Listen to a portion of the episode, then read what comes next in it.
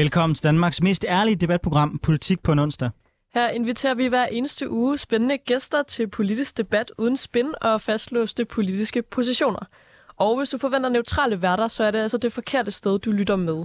Ja, for mit navn det er Anders Storgård, og jeg er tidligere landsmand for konservativ ungdom, og så er jeg kommunalbestyrelsesmedlem på Frederiksberg.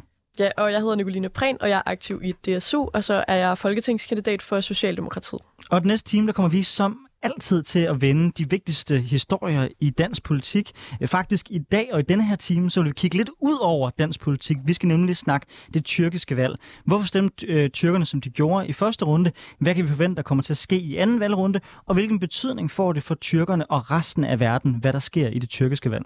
Ja, det bliver ret spændende. Det glæder jeg mig i hvert fald til. Og øh, til at besvare nogle af de spørgsmål, der har vi fået besøg af dig, Yildiz Aktugan. Velkommen til. Tak skal du have. Du er medlem af borgerrepræsentationen i København for Socialdemokratiet, og så er du født i Tyrkiet og ved en masse om tyrkisk politik. Men inden vi øh, kommer til dagens emne, så plejer vi altid lige at høre vores gæster om, hvad der fylder politisk for dem for tiden. Så Yildiz, øh, du sidder med inde på Rådhuset som medlem af borgerrepræsentationen. Hvad, øh, hvad fylder politisk for dig for tiden? Jamen, jeg er ordfører på sundhed og omsorg, så det, der fylder lige nu, det er selvfølgelig, hvordan kan vi forebygge mistrivelsen blandt vores øh, øh, børn og unge, men også øh, ensomheden blandt vores ældre. Vi har udfordringer i forhold til, at vi kommer til at få flere og flere ældre københavnere, men vi mangler hænder til at passe dem. Så der er det her øh, rekrutteringsspørgsmål, øh, øh, skabe nogle gode arbejdsmiljøer for, for omsorgsfagene. Øh, det det er blandt andet de, de emner, som fylder ret meget lige nu. Og hvordan i alverden gør vi så det? Fordi det er, jo, det, er jo, det er jo noget af en opgave med den psykiske mistrivsel, vi man ser. Nu ofte i det her program har vi meget talt mistrivsel blandt unge, men du har jo helt ret i, mm. det er noget, der foregår på tværs af alle lag. Men hvordan kommer vi det til livs? Fordi nogle gange kan det godt føles som om, man, man kæmper mod en flodbølge af psykisk mistrivsel, hvor det kan være svært lige sådan helt at sætte ind på, hvordan man bekæmper den. Og det er et rigtig, rigtig godt spørgsmål, for der findes desværre ikke bare sådan en øh, quick fix, som det hedder på godt øh, engelsk. Øh, og det er simpelthen fordi, at øh, noget af det er... Øh, hvor det er, hvor, hvor altså mistrivelse er mange ting. Øh, for nogle vedkommende er det, at, kan det føre til uh, rene diagnoser, eller også er det børn, der ikke har fået Øhm, øh, fået den rette behandling eller fået, øh, fået en diagnose til at få den rette hjælp, der sidder med, med problemer og får det dårligere og dårligere. Der er mange ting, der spiller ind, men et af de områder, hvor vi ved, øh, det kan have en effekt, det er i forhold til, og det er ikke videnskabeligt bevist, men, men, men der bliver talt meget om det, det er omkring øh, børns manglende fællesskaber på grund af sociale medier, øh, hvordan sociale medier skærme spiller ind i forhold til øh, deres fravær, om at være, altså ikke at være, kunne være til stede og ikke at kunne fokusere. Øh, det kan være i hvert fald et område, jeg synes, vi skal prøve at kigge lidt nærmere på og prøve at forholde os mere til de undersøgelser, der er omkring med skærmene og deres øh, påvirkning for, for unge mennesker, men også omkring hele perfekthedskulturen i forhold til unge pigers øh, øh, mistrivsel og, og det her perfekthed omkring kroppen og hvad er det, hvordan skal en rigtig øh, ung kvinde se ud, og, hvad, og det gælder jo også øh, unge mænd. Øh, der, der er vi nødt til at stadigvæk diskutere, Øh, og, så, og det her, det starter jo helt øh, faktisk i børnehaven øh, og, og videre op i, i systemet. Men når det er sagt, så er det selvfølgelig også vigtigt, at når der, når der er nogle, nogle, øh, nogle signaler i forhold til mistrivelsen, så er det vigtigt, at der er øh, det hjælp, altså PPR fungerer på skolerne, øh, at, der er, at der bliver henvist, når der bliver henvist til psykologer, at så er der, så er der mulighed for at gå til samtaler, øh, eller bare, at der er en på skolen, øh, de, de her øh, unge kan gå til at snakke med. Nogle gange kan det være, at det, øh, det der også trigger, det kan være, hvis, øh, øh hvis mor og far er blevet skilt eller skal skilles, det påvirker også et, et barn meget. Der er mange faktorer, der spiller ind, og, men det, der er vigtigst, i hvert fald for mig som politiker, det er, at der er nogle muligheder og noget hjælp at hente, øh, noget information øh, til stede for, for både øh, børnene, men også for forældrene og pårørende, fordi vi glemmer nogle gange også pårørende ind i alt det her, når vi snakker om mistrivsel. Jeg synes i hvert fald, det er meget spændende at høre nogle bud på, hvad der kan gøres mere på kommunalt plan, fordi jeg synes, det er en diskussion, der hurtigt bliver taget enten nationalt eller på regionalt ja. plan i vores øh, psykiatri og, og sundhedsvæsen. Øhm, virkelig spændende. Jeg tænker, Anders, jeg kunne også tænke mig at høre, hvad der er fyldt politisk for dig i ugen, der er gået. Altså, hvis jeg sådan skulle svare helt reelt, så vil jeg nok svare det tyrkiske valg, men det kommer vi til at snakke mere om senere. det vender vi så, til. så i stedet for, så vil jeg egentlig tale om den nye udenrigspolitiske strategi, mm. øh, som Lykke han fremlagde. Det er jo ikke nogen hemmelighed, at jeg måske ikke er sådan verdens største lykkefan i forhold til hans øh, udenrigspolitiske tilgang. Og jeg er egentlig også ret skuffet over den her strategi. Det, man lægger op til, det er det, man kalder for en mere sådan realistisk dansk udenrigspolitik, hvor vi skal kunne samarbejde mere med lande, der værdimæssigt adskiller sig fra os. Mm. Grundlæggende lidt det samme, som Lykke tidligere har talt for, nemlig sådan lidt mere en Macron-agtig tilgang til, hvordan Europa skal placere sig. Som sådan en slags bindeled mellem autokratier og den, og den demokratiske verden. Jeg står som bekendt et andet sted. Stod det til mig, skulle vi mere samle en alliance af demokratier. Vi skulle binde bånd til de lande, der deler værdier som os. Og jeg synes også, vi skulle have en meget mere skeptisk holdning til vores forhold til, til Kina, der gradvist er ved at opkøbe mange af vores forsyningskæder. Det opgør kommer der ikke i den her øh, strategi, og jeg tror heller ikke, man skal forvente, det kommer øh, med lykke, der indtil nu har brilleret meget i netop at understøtte det her meget tætte bånd til Kina. Så i virkeligheden er jeg bare vildt skuffet over, at den strategi, som kunne være starten på, nu kan vi i Danmark se, vi har begået en fejl med Rusland, lad os slå en ny kurs ind, lad os rent faktisk være et land, der står på mål for vores værdier. Det blev så heller ikke i dag. Nej, jeg tror i virkeligheden, jeg er helt enig, selvom jeg jo øh, kommer fra et parti, der er med i den regering, som Lykke også øh, repræsenterer, så er jeg i virkeligheden også ret skeptisk, især fordi jeg synes, vi er i en tid med krig i Europa med Rusland, der har invaderet Ukraine, hvor vi netop ser, at demokratierne faktisk godt kan stå sammen, og vi kan en masse, når vi samarbejder med dem, som vi har fælles værdier med. Så jeg synes, det er rigtig ærgerligt, at vi ikke udnytter det momentum til altså at ture stille nogle krav over for eksempelvis Rusland og Kina. Det kunne måske være meget fedt at høre dig, mm. Yildiz. Du er jo ligesom mig, også socialdemokrat. Hvor, hvor står du på sådan et Danmarks sådan udenrigspolitiske strategi? Synes du, at, at det er en fordel, at man samarbejder med dem, man måske heller ikke øh, er så enige med? Mm. Oh, det er et øh, rigtig godt spørgsmål. Altså, jeg har... Øh, altså, det, det er jo ikke noget nyt, at vi samarbejder med nogle lande, som vi ikke altid er enige med. Det har faktisk øh, sådan været øh, godt i gang helt tilbage under få øh, regeringen. Øh, men spørgsmålet er, om måske vi er blevet lidt mere øh, måske mere opmærksom på, et, at vi kan ikke isolere os selv øh, i forhold til resten af Europa eller resten af, af verden. Og ja, det, det er jeg glad for, det er, at vi er kommet lidt væk fra den der sådan mere nationalromantiske fortælling omkring, vi, altså Danmark kan selv og vil selv, at vi er, nød, vi er nødt til at tænke det lidt i noget sammenhæng. Øh, personligt så jeg gerne, et, et, det har jeg også sådan agiteret for i, i mange, mange år, men et mere øh, sådan feministisk udenrigspolitik, hvor man satte fokus på samarbejde øh, i konfliktzoner, hvor man også inddrog for eksempel kvinder, eller satte krav om, at kvinder skal inddrages i forhold til løsningsmodeller. Øh, øh, og, og hvad hedder det, konflikthåndtering. Fordi den, den link, den mangler, øh, især i nogle af de lande, som vi øh, ikke helt øh, ident- kan identificere os selv med. Mm. Og der synes jeg, der kunne have været en oplagt mulighed, hvor Danmark kunne være lidt førerland.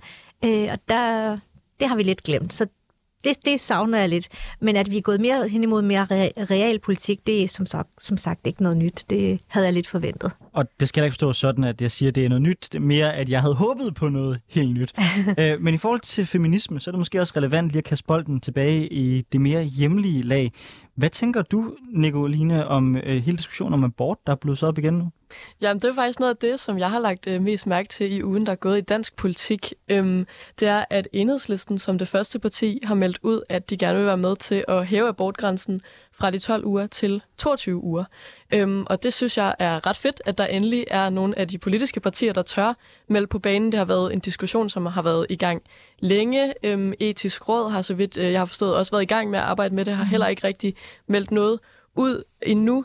Øhm, men WHO har jo anbefalet, at man hæver grænsen fra de 12 uger, øhm, og den, er altså, den har været uændret i jo 50 år siden vi indførte øh, den frie abort i Danmark, så jeg synes, det er på tide, at man får kigget på det her. Øhm, man har gjort det i Sverige og i Norge, så vi halter faktisk bagefter i Danmark, øhm, og jeg synes, det er lidt pinligt, at vores politikere ikke har tur øh, melde ind noget før, så jeg synes, det er rigtig fedt at se enhedslisten gøre det.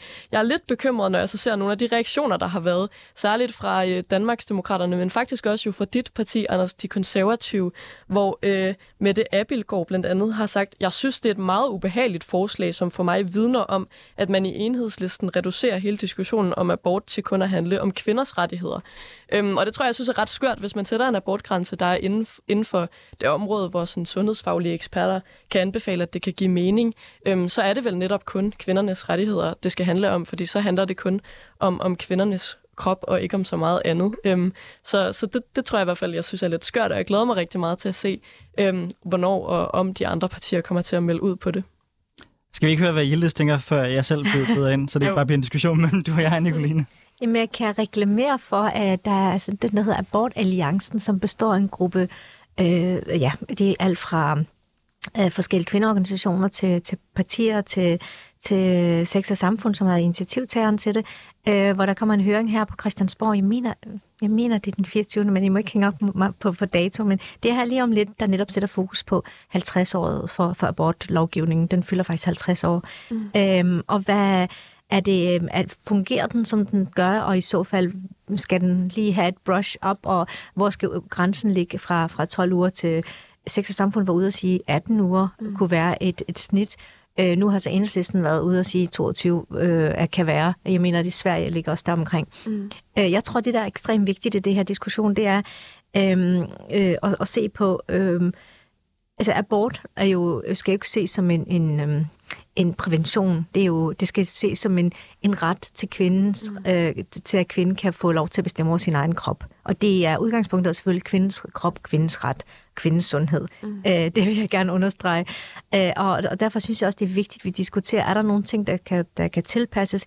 Jeg vil ikke lægge mig i, hvilket uger det skal være. Det, er, det må de kloge folk finde ud af. Mm. Men der, hvor jeg synes, det vigtigste, det er, at der også bliver lavet nogle forebyggende tiltag, øh, og endnu vigtigere, når øh, især for eksempel unge øh, øh, kvinder vælger aborten, øh, vælger at få en abort, at der er øh, intensiv øh, hjælp og støtte og rådgivning til den her øh, kvinde, øh, unge kvinde til at ligesom komme igennem den her proces. For det er ikke nemt at, at tage et valg, altså at nu vil man gerne have fjernet øh, det her foster. Øh, det kan være ekstremt svært for mange mennesker, eller for mange øh, unge kvinder. Og derfor skal hjælpen også være der. Og det, jeg tror, jeg vil mere slå et slag for øh, de, den, den, de foranstaltninger, der skal være omkring øh, den her kvinde. Øh, og derudover de mere forebyggende, altså opløsning, opløsning, opløsning, kampagner mod øh, målrettet de unge mennesker. Det tror jeg er mit svar til det. Ja, helt mm. sikkert. Der er i hvert fald også nogle andre ting end bare det at hæve grænsen, tror jeg. Jeg har selv øh, et par veninder, der øh, har været igennem en abort, og det tror jeg for dem har været noget af det hårdeste, de nogensinde har oplevet. Og de oplevede også, at der simpelthen, altså der var ikke noget hjælp fra systemet. Der var brug for, at man får noget på en eller anden måde noget psykologhjælp ja, i, i forbindelse med det. Jeg tror også, der er sådan noget som, at man for eksempel lige nu ikke kan få foretaget en abort, når man er under 18, øh, uden tilladelse ja. fra ens mm. forældre. Så hvis man har nogle forældre, der eksempelvis er abortmodstandere, så kan man altså ikke få foretaget en abort på trods af, at vores øh, seksuelle lavalder jo er på de 15 år. Øhm, så der er altså lige tre år der, hvor man er mellem 15 og 18, hvor man gerne må have sex ifølge loven, men man kan ikke få en abort, uden at ens forældre giver tilladelse til det. Det synes jeg er ret vildt, og noget af det, man også burde se på at få ændret. Skal vi lige nå at få dig, Anders, på banen, inden vi går til dagens emne? Tak skal du have. Øh, og, og der var jeg faktisk glad for, at Per, per Larsen var ude og, og sige, at det var konservativt meget åben over for at se på og sammenbinde det med seksuel lavalder. Altså, Nicoline, jeg vil sige, hvis man gerne vil have, at abortmodstanden skal stige i Danmark, så synes jeg, man skal bruge de argumenter, du lige øh, gjorde, om at det næsten er mere progressivt, desto øh, længere tid man kan øh, trække den i forhold til en abort. Du pegede på, at der var lande, der var markant højere, mm. og så sagde du, at derfor det var pinligt, at øh, vi var bagud. Mm. Som jeg ser det, så er det et spørgsmål om, der skal være abort i Danmark. Den skal vi lægge det sted, der giver bedst mening. Jeg ved ikke, om det er 12 uger, eller om det er 20 uger. Og jeg er sådan set åben over for en dialog, om man kan lægge den det rigtige sted. Men jeg synes, det er en styrke, at vi i Danmark ikke har haft særlig meget diskussion om abort i mange år. Jeg er glad for, at der i Danmark er konsensus nærmest om, at vi skal have den frie abort. Og min eneste bekymring, hvis man skubber længere den her retning, det er, kommer det til at puste til en debat, hvor der vil være flere folk, der vil være imod abort. Fordi desto længere tid man kan trække og få en abort, desto flere eksempler vil der også komme på nogle første, der er rigtig langt i udviklingsfasen, og som dermed måske kan puste gang i en debat. Så det kan sagtens være, at det giver mening at lægge den på 20 uger. Det vil jeg ikke gøre mig til ekspert over. Det vil jeg sige, som Ille så siger. Mm. Det er der nok sundhedsfaglige folk, der ved bedre end jeg.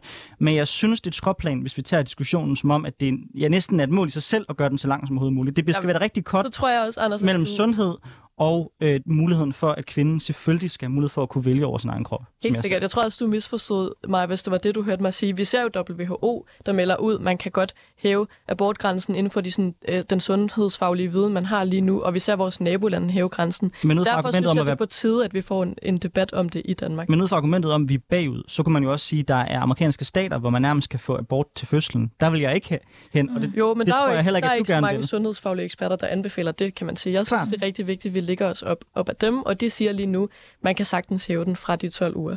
Det synes jeg også, men så, men så tror jeg bare, det er vigtigt at, anerkende, at så er det et balancespørgsmål om, hvor, hvor mm. vi lægger kortet rigtigt. Helt sikkert. Og det bliver i hvert fald virkelig spændende at følge med i, øh, hvad de politiske partier ud over enhedslisten kommer til at melde ud på det område. Øhm, det kan være, at man skal følge med i den høring, som Yildiz var inde på. Nu synes jeg, at vi skal gå til dagens emne, det tyrkiske valg, som vi alle sammen, tror jeg, har glædet os til at tale om.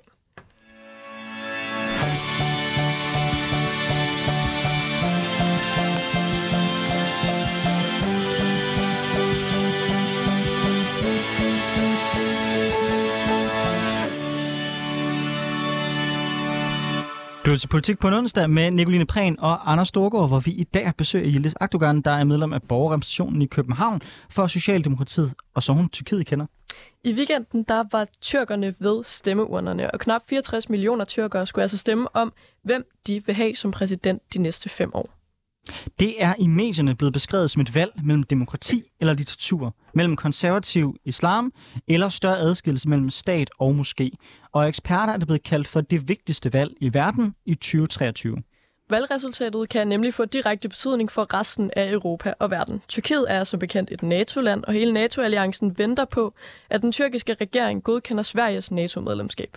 Derudover er landet en regional stormagt, som ligger mellem Europa og Asien, og Tyrkiet har i mange år været et vigtigt transitland for flygtninge, som vil til Europa.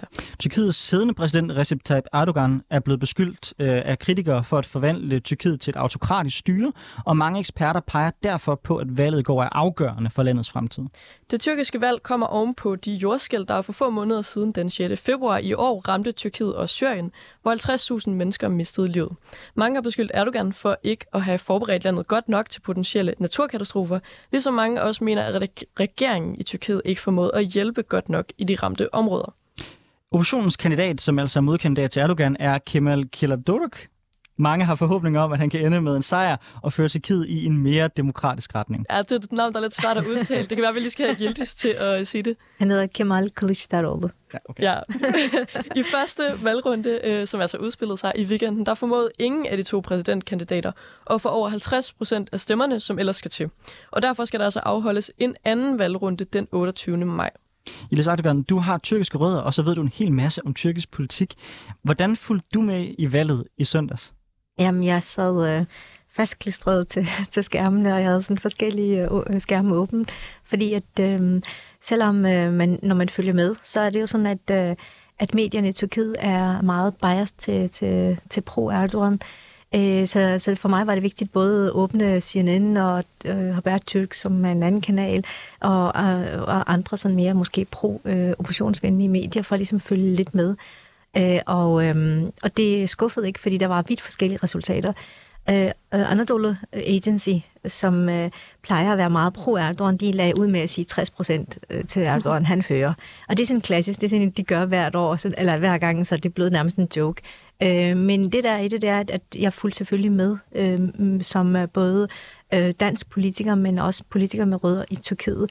Øh, fordi jeg vidste godt, at det her valg kommer til at være ekstremt afgørende, øh, både for, for tyrkerne, øh, for kurderne, for kvinderne, for de unge, øh, for andre minoritetsgrupper, øh, for demokratiet, hvilken vej Tyrkiet skal fortsætte, skal det stadigvæk hen imod det mere konservative øh, øh, Tyrkiet med, med større samarbejde med Rusland, øh, Putin og, og hvad hedder det, Mellemøsten og Centralasien, eller skal det bevæge sig måske mere væk fra, fra den linje og mere mod Europa.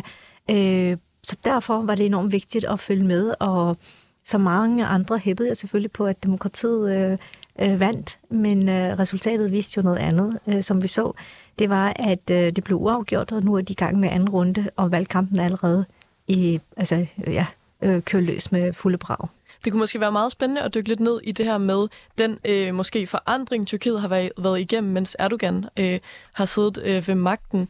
Øh, kan, du, kan du fortælle lidt om det? Hvad, altså, hvordan har, har Tyrkiet forandret sig i de år, hvor, hvor Erdogan har øh, været præsident?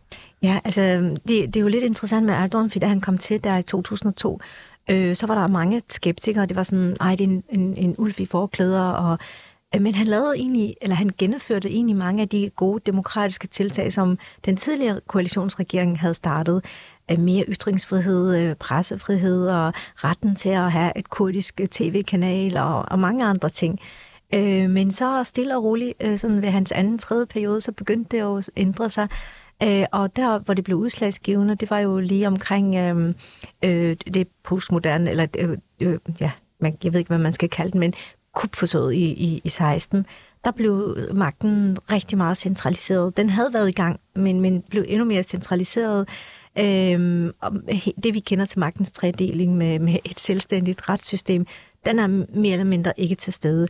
Pressefriheden er væk, øh, ytringsfriheden er meget begrænset, og hvis du som, som Erdogan-kritiker siger noget til ham, så kan du faktisk risikere fængsel øh, eller blev tiltalt for den ene og den anden. Og vi har set rigtig mange eksempler på det. Altså alt fra topmodeller til ganske almindelige forfattere og borgere på gaden, der har ytret sig kritisk, og det har så haft en omkostning for dem. Så, så alle de der tiltag øh, har jo betydet mindre demokrati, mindre handlingfri, handlefrihed, mindre organisering, øh, mindre pressefrihed og generelt mindre rettigheder for, for den almindelige borger i Tyrkiet. Jeg synes, det er interessant, at du sætter skillelinjen der ved kupforsøget, fordi jeg tror måske faktisk, at jeg vil have sat skillelinjen en smule tidligere. Det vil jeg også gerne, nem, Nemlig ved reformen, hvor man gik fra øh, et parlamentarisk styre til at få et præsident embede. Ja. Øh, og de diskussioner, der var der, protesterne i Gezi-parken, mm. øh, hvor man virkelig kunne mærke, at der strammede han virkelig grebet øh, om det tyrkiske samfund. Øh, kan du ikke sætte lidt flere ord på, hvad var det, der skete dengang? Jo, altså nu hvis jeg skal gå sådan mere detaljeret ind i det, så vil, så vil jeg så sige, det viste i hvert fald min, øh, mit speciale, der sad og, og skrev om, om, om tyrkiske øh, øh europæisering af Tyrkiet med, med fokus på mindretalsrettigheder og de kurdiske spørgsmål. Øh, der, der altså, øh, vendepunktet blev omkring 5-6 stykker, hvor EU sådan mere eller mindre øh, lukkede døren for, for Tyrkiets medlemskab. Og det betød så, at Erdogan pludselig sådan reorganiserede øh, sig selv og, og sin øh, udenrigspolitik og valgte at vende sig væk fra Vesten mere mod Mellemøsten og begyndte at lave meget mere aktive kampagne øh, målrettet øh, nogle øh, ja, ikke så demokratiske stater øh, i, i Mellemøsten og hele den region. Øh, så det startede faktisk, hvis jeg skal være helt præcis med det, og så kom de forskellige tiltag. Gezi-parken var en af dem, øh, og det startede jo med noget så uskyldigt som, at at, øh, eller det var ikke uskyldigt, men Erdogan har jo brugt rigtig meget øh, øh, sin position til at give byggetilladelser til, til rundt omkring i, i landet, og han har fået sådan, øh, især via sine venner, fået sat, sat virkelig gang i byggesektoren, både i, i, i Tyrkiet, men også for eksempel i, i Rusland. Øhm, og det har så betydet, at de vil, han vil gerne bygge et kæmpestort øh, indkøbscenter. Sjov nok på den plads, hvor det, som hedder Atatürk-centret. Mm. Øhm, og der er der lige der omkring, så er der en lille park øh, med, altså det er den lille, en, en af de få små grøn, grønne åndehuller, der er tilbage. Dem er der nemlig ikke så meget tilbage i Tyrkiet, alt er nærmest blevet øh, bygget til, især Istanbul. Øhm, og det var der så nogle aktivister, grønne aktivistbevægelser, der, der, der stridede mod. Og så endte det med at pludselig, det blev en kamp mod den her venstrefløj, altså hele Gezi Park-området er kendt for sin øh, den der mere sådan aktivistiske venstrefløjssegment, øh, som i hvert fald ikke er så pro-Erdogan-agtig. Og så endte det stille og roligt, så rullede den til at blive kæmpestore demonstrationer på gaden, og mange mennesker var ude på gaden og, og demonstrere. Øh, og det endte så også med, at det kostede nogle unge mennesker livet. Øh, nogle af de øh, sådan frontfigurer, der var ude og demonstrere og kritisere, de er faktisk rejst ud af landet øh, nu. De bor rundt omkring i Europa. Så det har haft en kolossal øh, konsekvens for den. Øh, skuespillere, der ikke kunne... Øh, der ikke måtte optræde mere, eller ikke fik kontrakter på, på, på nogle forskellige film og, og serier. Øhm, så Gezi Park fik enormt store konsekvenser for en bestemt segment, og det var primært venstreorienterede kurdiske og alevitiske øh, segmenter, som, som øh, kunne virkelig mærke det tæt øh, på, på livet. Øh, Ja, og så kom alle de andre begrænsninger, så kom kuppet, og så kom alt muligt andet. Nu blev det sådan meget detaljeret, men det korte og det lange er, at, at øh, gradvis så har han centraliseret mere og mere magten, og det blev så også, at man gik fra præsidentielt, eller øh, hvad hedder det, almindelige hvad hedder det, Parlamentarisk. parlamentarisk Ja. system til et præsidentielt system, hvor, hvor han virkelig fik centraliseret sin magt. Så der er altså virkelig sket en centralisering af magten. Hvad er dit indtryk af sådan, tyrkernes syn på Erdogan? Nu bor der jo rigtig mange millioner mennesker, så det kan nok være svært at, at sige sådan øh, ligesom, øh, på én gang. Men hvad, hvad er dit indtryk af tyrkernes syn på Erdogan? Nu så vi også jordskælvene tidligere i år, øh, hvor han af mange blev kritiseret for ikke at gøre nok. Altså, har, har synet på Erdogan ændret sig op til det her valg? Ja, den har været mere kritisk. Øhm, altså, øh, de meningsmålinger, der er blevet sådan vist, øh, og, og de gadeinterviews, der blev lavet med, med for eksempel unge mennesker, jamen, der var, de sådan, der var tendensen meget den her med, at de har fået nok, og at der var høj arbejdsløshed. Der var den her sådan frustration over, hvad venter os i fremtiden. Øhm, og øh, mange er også selvfølgelig øh, øh, ret irriteret over den her meget begrænsning af, af de forskellige øh, rettigheder, som, som, vi, som jeg var inde på øh, før med ytringer og forsamlingsfrihed osv. Øh, derudover så har den økonomiske krise jo haft en kolo enorm øh, effekt på, på tyrkernes hverdag. Og det er både øh, med, øh, hvad hedder det, mellemklassen til øh, underklassen til, til overklassen. Øhm, og det har så også haft en indflydelse i forhold til, at når man som, som almindelig borger kan mærke, at det er dyrt at købe noget så basalt som kartofler og løg, mm. øhm, så, så, så reagerer man på det. Så en høj, øh, altså meget dyr levestandard, høj inflation, øh, økonomisk usikkerhed, høj arbejdsløshed blandt unge, øh, det har haft også en betydning for, at man måske har været lidt mere bekymret for, hvad der kommer til at ske. Og som jeg forstået, så rigtig meget af den økonomiske krise, og også langt hen ad vejen, faktisk selvforskyldt, fordi Erdogan han har reageret stik mod det, der er de normale økonomiske ja. regler, nemlig at hvis man har en høj inflation, så skal man hæve renten. Men af religiøse politiske årsager, så har han haft en modsatte position og faktisk presset Nationalbanken til konstant at sænke renten, øh, selvom der var en eksploderende inflation. Har det været sådan en øjenåbner øh, for måske nogen i øh, Tyrkiet om, hvor religiøs Erdogan er, eller har det mere bare bekræftet det syn, man har haft i forvejen, så det egentlig ikke har skubbet folk hverken den ene eller den anden vej?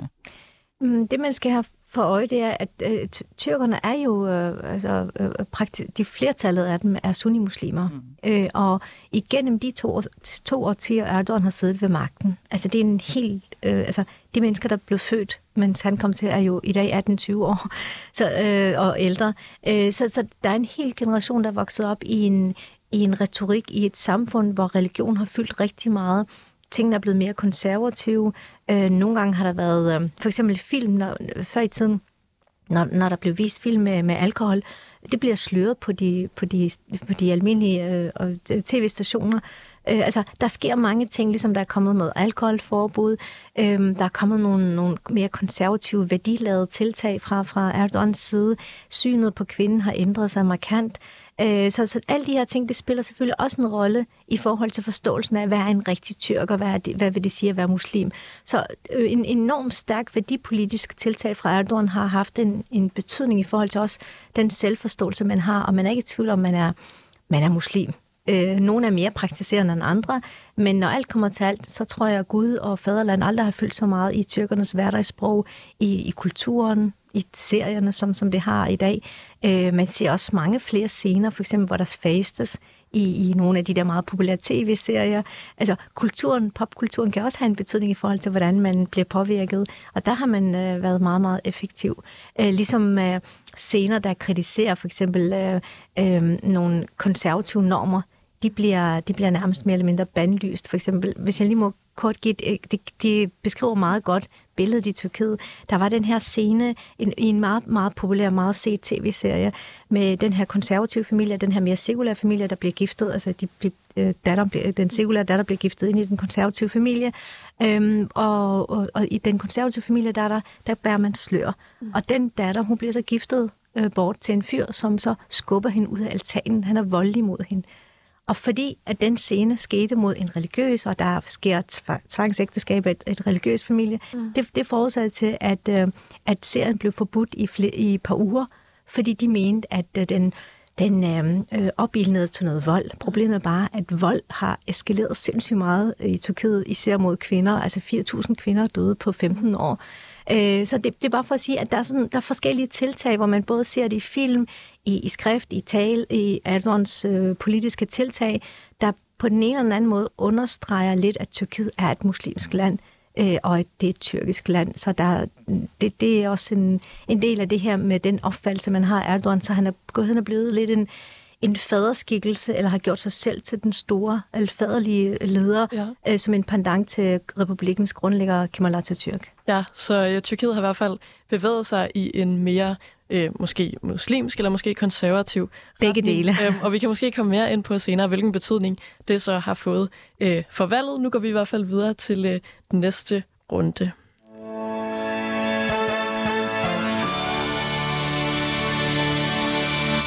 Du lytter til Politik på en onsdag med Anders Storgård og Nicoline Prehn, hvor vi i dag har besøg af Yildiz Akdogan, medlem af Københavns Borgerrepræsentation for Socialdemokratiet og Tyrkiet kender. Mange havde spået oppositionskandidaten gode chancer ved det tyrkiske valg i weekenden. Mange meningsmålinger er faldet ud øh, til hans fordel, og mange havde udtrykt, at det var på tide med et skift i tyrkisk politik. Alligevel endte CHP og Rolo altså ikke ved at vinde den første runde. Resultatet endte med omkring 49 procent til Erdogan og cirka 45 procent til oppositionen. Men hvorfor vandt oppositionen ikke, når mange mener, at Erdogan har håndteret jordskælvene i starten af året dårligt, og når meningsmålingerne faktisk i høj grad faldt ud til oppositionens øh, fordel før valget? Det øh, har vi nu dig, Pola Roshan Bakker, med over telefon til at svare på. Du er tidligere Tyrkiet-korrespondent for Jyllandsposten, forfatter til en bog om tyrkisk politik, og så har du dækket Tyrkiet siden 2006. Pola, øh, havde du forudset, at øh, der ville blive brug for en anden valgrunde?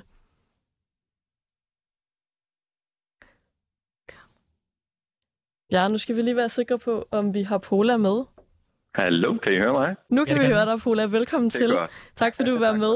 Øhm, jeg ved ikke, om du, du kunne høre spørgsmålet, men det vi spurgte om var, om du havde forudset, om der ville være brug for en anden valgrunde. Jeg synes, jeg, jeg tror ikke rigtig at spå om, om den del af det, for at være helt ærlig. Men, men ingen tvivl om et, et skuffende resultat for, for en opposition, som, som virkelig har formået noget, der er spritnyt i tyrkisk politik. Det er rent faktisk at stå sammen over for det islamisk konservative AKP, øh, men, men skuffende resultat, øh, ikke mindst i set i lyset af øh, jordskælvet for nylig, en, en, en tyrkisk økonomi, som ikke har været værre siden øh, de forfærdelige 90'ere, øhm, og en, en, en, en autoritær præsident, øh, som, som på den måde har sat sig på hele statsapparatet og, og store dele af civilsamfundet for, for så vidt. Så man kunne sige, at på papiret så, så var Øh, så, så var det virkelig, at oppositionens tid var kommet. Øh, så skuffende helt sikkert. Okay, men du siger, at oppositionens tid var kommet. Hvis vi så kigger lidt på oppositionens præsidentkandidat, øh, ham der nu, øh, Anders og jeg, vi har haft lidt øh, problemer med at udtale hans navn, men Kılıçdaroğlu. Øhm, Kılıçdaroğlu, men man kan også bare for nemheds skyld sige, at bruge hans fornavn Kemal. Ja, Kemal. Øhm, hvorfor, hvorfor valgte oppositionen at stille med ham, og ikke for eksempel Istanbul eller Ankaras borgmestre, som også mange er blevet nævnt som øh, oplagte kandidater? Ja, det, det, det, det er der sådan set også mange forklaringer på. Øh, jeg, jeg var også lidt overrasket over valget af Kemal Kılıçdaroğlu i den forstand, at Kemal Kılıçdaroğlu's vær, han er blevet testet. Han er blevet testet gennem de sidste 20 år, hvor han har været øh, hvad hedder det, øh, parlamentariker og, og oppositionsleder siden 2010. Så på den måde var han ikke rigtig noget frisk pust, men, men det han kunne, det var at samle de der den ellers noget brode opposition, øh, som bestod af øh, øh nationalkonservative, den kurdiske opposition, øh, sekulære kræfter og, og, og, og religiøse kræfter, sågar som er noget brode flok, formåede han sådan set at samle. Og det, det er jo det, der ligesom gjorde, at, at oppositionen varede morgenluft. Men, men i forhold til, til resultatet, så er der sådan set, i mine øjne, der er en praktisk dimension, det er selve valget, hvordan det foregik op til og under. Og så er der også, sådan, også en lidt en større kulturel forklaring i mine øjne. Den praktiske, kan man sige, det er, at det her er jo ikke frivalg. Tyrkiet har sådan set aldrig været et demokrati. Øh, og det her valg, øh, og, og man kan sige, de sidste 10-15 år i Tyrkiet er, er, har demokratiet aldrig stået værre, eller styret, kan man sige, folkestyret har aldrig stået mere svagt øh, New York Times havde en, en interessant optælling af, af, hvem der egentlig fik taletid under valgkampen. Den siddende præsident Erdogan, han fik ifølge opgørelsen 32 timers taletid i tyrkiske massemedier, hvorimod oppositionslederen Kemal Kılıçdaroğlu fik 32 minutter. Og det understreger sådan set en, en ret afgørende pointe, det er, at tyrkiske massemedier er, er, under, er under regeringspartiet AKP's kontrol. De er erhvervsfolk, som ejer de her store mediekonglomerater. De er allieret med, med, med, med, med statsmagten. Vi har også set en tyrkisk stat, en regering, som har presset Twitter for eksempel til at blokere øh, regimekritisk øh, content. Det gik Twitter med til, øh, på trods af, at Elon Musk angiveligt er den her ytringsfrihedsfundamentalist. Men det lykkedes altså tyrkerne at, at presse Twitter til at lukke oppositionskonti. Vi har set retsforfølgelser mm. øh, ved domstole af, af oppositionspolitikere. For eksempel Istanbuls meget populære øh, borgmester, Ekrem İmamoğlu, han blev øh, idømt øh, næsten tre års fængsel øh, tidligere på året for, for, øh, for systemkritik, simpelthen for at ytre politisk kritik. Vi har set øh, stenkast mod oppositionens øh, politiske profiler, som, som tyrkisk politi øh, hvad hedder det, stiltigende så til. Øh, vi har set en, en stigmatisering af oppositionen, navnlig den kurdiske opposition. Det har været et kæmpe kort for præsident Erdogan at kunne pege på oppositionens kandidat og sige, den mand, hvis han kommer til magten, jamen så øh, øh, kommer de kurdiske terrorister også til magten.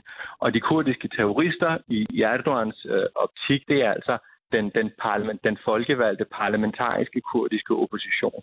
Så det har været, og så har der en væsentlig årsag til, at det gik så godt, øh, eller i hvert fald gik så dårligt på oppositionen, det er undervejs, altså på valgaften, der på organiseret vis øh, gjorde AKP, altså regeringspartiet, altså præsident Erdogans parti, gjorde indsigelser mod sammenlagt 6 millioner stemmer, som faktisk i dag endnu ikke er blevet talt op.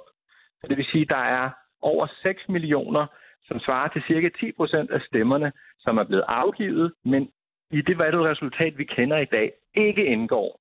Fordi at valgloven siger, at hvis der bliver gjort indsigelser mod en stemmeboks, mm. og man behøver ikke give nogen forklaring. Gør man indsigelser, det kan være af frygt for, at der er blevet fiflet med det, uh, urent trav, hvad ved jeg. Så AKP, regeringspartiet, har altså gjort indsigelser mod øh, valgdistrikter, valgbokse i valgdistrikter, hvor oppositionen stod stærkt.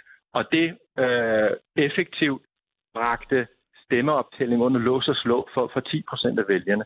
Og de, det er altså meget afgørende faktorer, det her. Paula, ultra, ultra kort, før vi giver øh, stafetten videre til Illes igen. Øhm, nu kigger vi ind i en anden valgrunde. Dem, der ikke har stemt på nogle af de to kandidater, og som nu skal til at vælge, det er, øh, som jeg forstår det, de øh, mest hårdkogte ultranationalister, der er tilbage. Hvad er din forventning? Kommer de til at pege mod Erdogan, eller kommer de til at pege mod oppositionen? Jeg vil egentlig blive meget overrasket, hvis ikke de her på papiret 5-6 procent af vælgerne, de her ultranationalister, øh, hvis eneste formål med at stille med en kandidat, altså den tredje kandidat, Sinan Oran, hele formålet med at stille med ham var netop at splitte øh, hvad hedder det, oppositionen stemmer for at sige, vi stoler ikke på oppositionskandidatens evne til at være øh, tof mod øh, den kurdiske opposition, Øh, vi øh, hvad hedder det, stoler ikke på Kemal Kılıçdaroğlu, derfor øh, stiller vi med en præsidentkandidat, og de, han sugede så 5-6 procent øh, point øh, fra, fra oppositionen, 6 procent af vælgerne. Øh, og det her er altså et vælgersegment, som ganske vist er meget skeptisk indstillet over for præsident Erdogan. Det er relativt sekulære mennesker, det er folk i, øh, i de væbnede styrker, politi, det er øh, statselite, øh, ultranationalister, de, når de står over for et valg mellem den præsident, som de sidste 10-15 år har været meget tough on crime, havde jeg sagt crime her forstået som den, den, den folkevalgte kurdiske opposition, så som tof mod det terrorstemplede Kurdistans Arbejderparti, PKK, så vil de sige, prøv at høre, vi går altså med den sikre, stærke mand øh, over for oppositionen, som altså ikke får et ben til jorden. Øh, det er et vælg, som er drevet af frygt drevet af frygt for en splittelse af Tyrkiet, og der tror jeg, de vil se, uh, se gennem fingre med, at Erdogan er en, øh, øh, hvad skal man sige, øh, er en stærk autoritær leder med, øh, med, med islamisk islet. Tusind tak uh, for det, Pola, og tak fordi du lige havde tid til at være med og øh, give din analyse i programmet her. Øh, tak for det, og det var altså Pola Roshan øh, Bakker, som øh, er Tyrkiet-ekspert, og måske skal det også lige nævnes, at han arbejder på kanalen her, og faktisk også er redaktør på det her program. Øh, tak. Nu øh, går vi videre til øh, den sidste runde af programmet.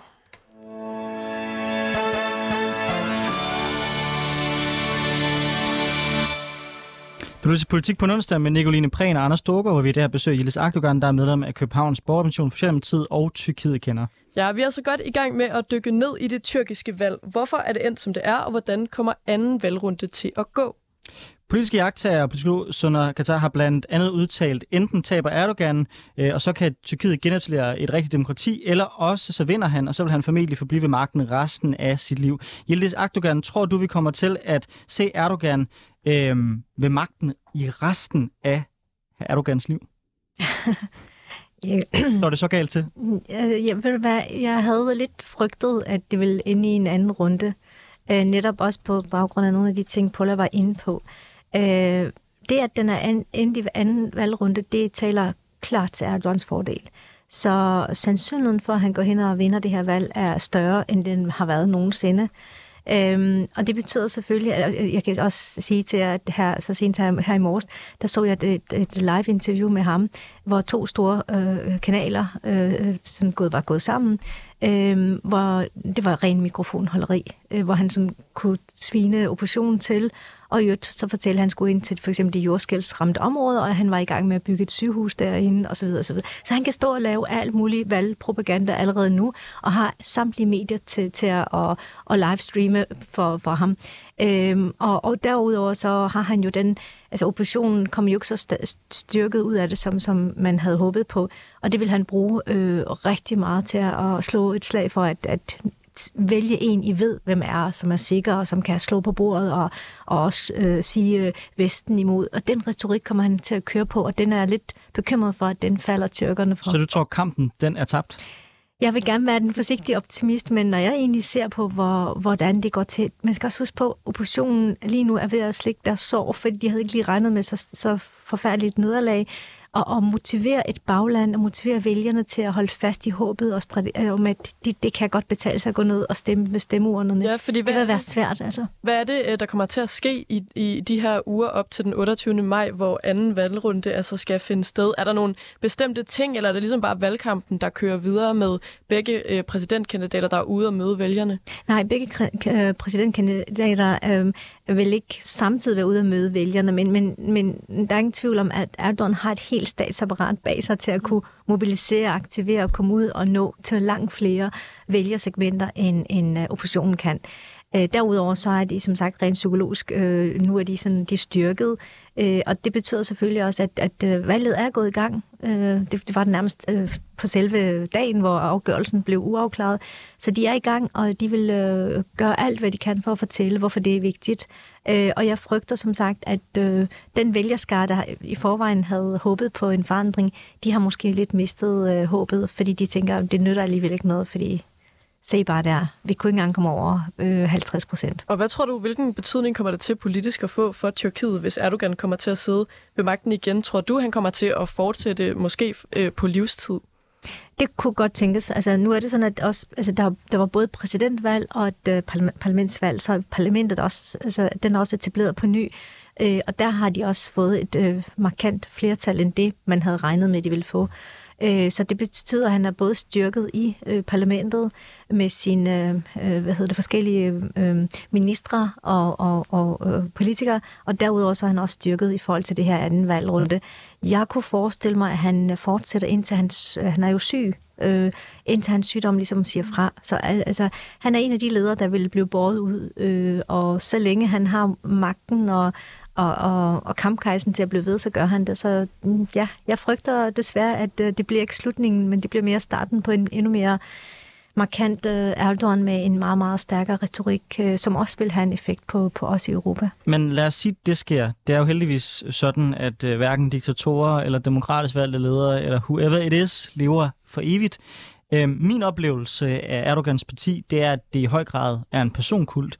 Så hvad er din analyse af, hvad der vil ske, Erdogan ikke er der længere, uanset om han taber valget, eller øh, han på et eller andet tidspunkt dør.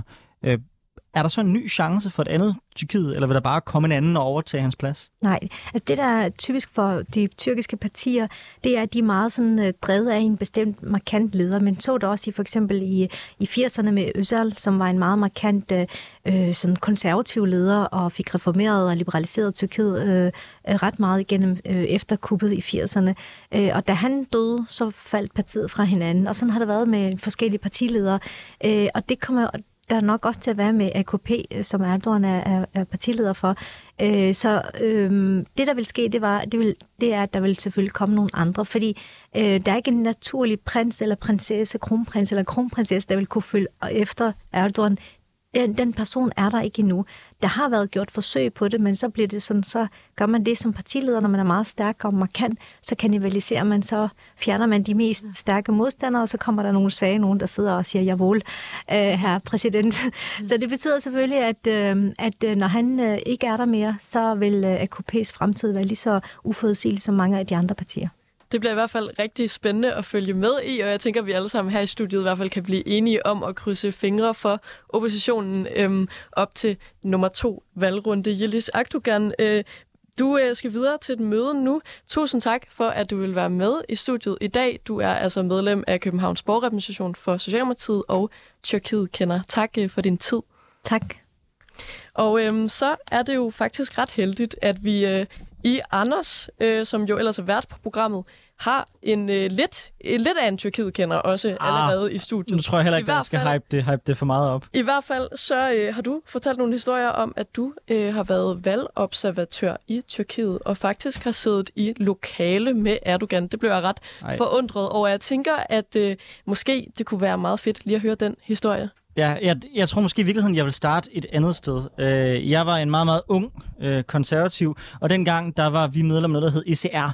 Det er sådan en mere højrefløjs konservativ gruppering. I dag så er vi heldigvis kommet over til European, øh, øh, undskyld, øh, EP, EP, EPP, European People's Party. Øh, men dengang, der var vi medlem af sådan, sammen med de britiske konservative, en mere højorienteret gruppe. Og der var øh, Erdogans parti faktisk observatør. Øh, så de ville jo gerne øh, have nogle bedre alliancepartnere i Europa, og inviterede så rigtig mange af højrefløjspartierne til at komme til Tyrkiet og se det valg, der var dernede. Mm. Og det var den mest vanvittige oplevelse, jeg nogensinde har oplevet. Vi var ude at se valgsteder, hvor vi så Altså, vil jeg mene, øh, nærmest øh, åben manipulation og nogle rimelig problematiske tilgange til, hvordan at oppositionen overhovedet kunne komme til øh, med sådan meget åbne former for valg, valgbokse og chikane af folk, der kom ind. Og faktisk så blev vi også på et tidspunkt fanget i en bus under et gadeslagsmål mellem ultranationalisterne og Erdogans partiet. Så jeg har faktisk været inde i en Erdogan-bus sammen med en masse europæiske repræsentanter, hvor vi lå ned under bussæderne, mens at nationalister og Erdogan-tilhængere, de slåsede hele vejen rundt om bussen og kastede sten igennem ruderne. Vanvittig oplevelse. Jeg har stået face to face med en tyrkisk minister, øh, som vi jo godt vidste ikke er vant til kritiske spørgsmål, og han stod og sagde, i Tyrkiet, der er vi de eneste, der har styr på, hvad det rigtige demokrati er. I Europa, der er man fascister. Så sad jeg og kiggede på ham fra de britiske konservative, ham fra de tjekkiske konservative, og vi var sådan, skal vi ikke stille kritiske spørgsmål? vi vidste godt, at mikrofonen bliver kottet det sekund, man gør det. Så det vi gjorde, det var, at øh, jeg gik op på talerstolen, og så startede med at rose ministeren for de store økonomiske fremskridt, der er kommet. Men han måtte bare forklare mig, øh, som jo selvfølgelig ikke havde den samme indsigt i demokrati, som han havde, øh, hvordan Tyrkiet kunne være øh, det land øh, i verden, der var det mest demokratiske land, og samtidig være det land i verden, der fængsler flest journalister. Ja så skal jeg med med love dig for, at det lokale, det er bare eksploderet i folk, der løber rundt og talte i mikrofoner, og jeg ved fandme ikke hvad. I forhold der blev dårlig stemning? Der blev rigtig, rigtig dårlig, dårlig stemning. Øhm, og det var faktisk lidt en semi-skræmmende situation, fordi der var også nogle folk, der blev sådan rimelig... Ja, bagefter gik jeg ned, og så mødte jeg øh, nogen fra de serbiske repræsentanter, der var der. Og der var der en af serberne, der kom op til mig, og så sagde han... Øh, if you had seen what I'd seen, you would learn when to shut the fuck up. Og så sagde jeg bare til ham, jeg kommer fra Danmark. Ja. Hvad, hvad du, der, der kan jo ikke ske mig noget. Så siger han, ja, det er rigtigt, det er rigtigt, det er rigtigt nok. Øh, der kan ikke uh, ske der noget. Men øh, hvad nu, hvis uh, du aldrig er ankommet til øh, Tyrkiet. Altså, det var, sådan, det var sådan på det niveau. Uh, uh. Øh, og vi var også ude til nogle store rallies. Mm. De, de holder sådan nogle kæmpe rallies, hvor der er millioner af, af mennesker. Og de havde sådan nogle vogne, der, der, der kørte rundt og spillede propagandasange. De havde, de havde sådan en Recep Tayyip Erdogan-sang, de bare, de, de bare spillede, som blev blæst ud af højtalerne på hver et, et lille gadehjørne. Og der er rigtig ting, de rallies vi var. Det var ikke inde, i- inde, inde i en bygning, men der var vi sådan backstage, hvor vi fik mulighed for lige at komme forbi og så vinke til at være, var henne og hilse på os Ja. som delegation. Men jeg har heldigvis ikke uh, snakket med ham. Men jeg vil sige, når man har været til en rally, hørt hans vredestale, mm. set de store banner, hvor der står folk med store banner om, hvordan at det osmanniske rige skal genrejses, øh, og han så kommer gående forbi, der gik der lige et øjeblik, hvor jeg inde i mit hoved tænkte, kan jeg vide, om det her det er en af de der tidspunkter, hvor man ligesom tænkte, hvis du havde haft mulighed for at assassinate Hitler, havde du så gjort det? Selvfølgelig, ja. selvfølgelig vil man ikke gøre det, men en helt vanvittig oplevelse. Øh, Og det, jeg gjorde, da jeg kom hjem, det var med det samme at sige, hmm, måske vi skal rykke til en forsamling af europæiske konservative, Ja. ja. der ikke tager på besøg hos Erdogan. Så man skal bestemt ikke forstå mig som nogen supporter overhovedet. Jeg holder klart med CHP. Ja, det lyder i hvert fald som nogle vilde oplevelser. Jeg synes også meget spændende at høre om, hvordan Erdogan rent faktisk fører sin kampagne, fordi sådan udefra, når man kommer jo netop, som du er inde på, fra et øh, demokratisk land som Danmark, så kan det være svært at forstå, hvorfor tyrkerne fortsætter med at stemme på ham. Hvorfor de ikke tænker, prøv at høre, nu har vi haft ham i lang tid, der har været dårlige tider, måske er det på tide, at vi prøver noget nyt. Øhm, hvad er din analyse af, af, af sådan, øh, person, personerne i tyrkisk politik. Altså er Erdogan som, som politisk person, det er sådan noget med, har jeg hørt, at han er god til at lave sådan noget, øh, jeg er ikke helt sikker på, hvad det hedder, men sådan noget religiøs øh, oplæsning af, af Koranen, er han dygtig til, hvor man så på den anden side har oppositionskandidaten, som øh, tilhører et religiøst mindretal, der vist hedder Alevi, øhm, og, og altså jo ikke er sunni-muslim, som de fleste tyrker, øh, og som af mange bliver, bliver set som en, en, en svagere sådan, øh, politisk øh, person, der jeg tror, han bliver kaldt øh, Tyrkiets Gandhi, fordi han er meget sådan Hmm. mild i sin fremtræden. Hvad er, hvad er din analyse af, af de politiske personer?